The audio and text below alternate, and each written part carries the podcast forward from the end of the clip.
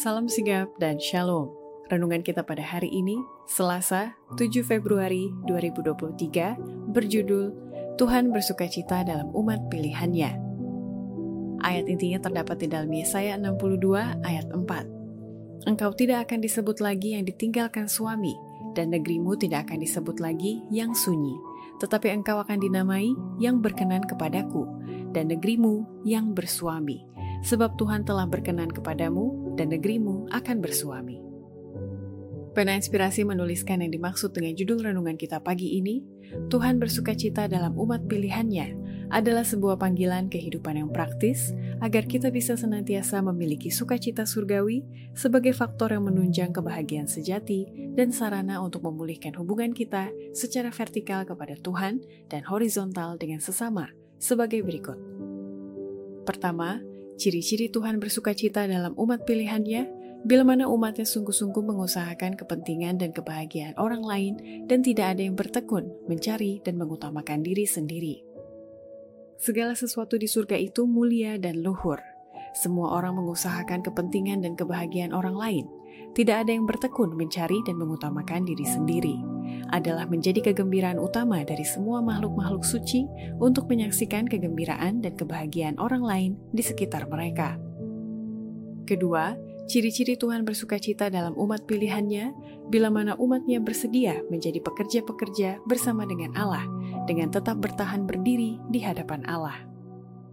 Ketika umat tebusan berdiri di hadapan Allah, jiwa-jiwa yang indah itu akan menyambut nama-nama mereka yang ada di sana atas usaha-usaha yang tekun dan sabar yang dilakukan demi mereka. Imbauan dan bujukan yang tekun supaya meluputkan diri ke benteng itu. Demikianlah mereka yang semasa di dunia ini menjadi pekerja-pekerja bersama dengan Allah akan menerima pahala mereka. Ketiga, ciri-ciri Tuhan bersuka cita dalam umat pilihannya bila mana umatnya tidak berspekulasi mengenai rencana-rencananya bagi kita dan tidak mengukur keadaan-keadaan dari kehidupan yang akan datang itu berdasarkan keadaan hidup kita saat ini. Para pekerja Allah tidak boleh menggunakan waktu untuk mereka-reka keadaan-keadaan apa yang akan tetap berlangsung di dunia baru adalah suatu praduga untuk mengembangkan perkiraan-perkiraan dan teori-teori tentang perkara-perkara yang Tuhan tidak nyatakan.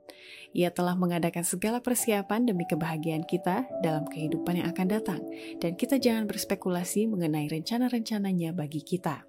Dan juga kita tidak boleh mengukur keadaan-keadaan dari kehidupan yang akan datang itu berdasarkan keadaan hidup saat ini. Keempat, ciri-ciri Tuhan bersuka cita dalam umat pilihannya bila mana umatnya memiliki motivasi dan kesungguh-sungguhan dalam memberikan pelayanan dengan segenap hati kepada Khalik dan penebus mereka. Motivasi yang lebih kuat dan kemampuan-kemampuan yang lebih mantap tidak pernah dapat bermanfaat.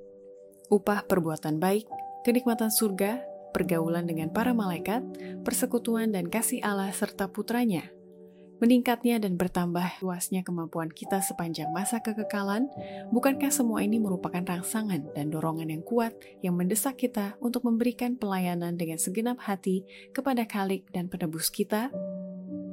Demikianlah renungan kita pada hari ini, kiranya Tuhan memberkati kita semua.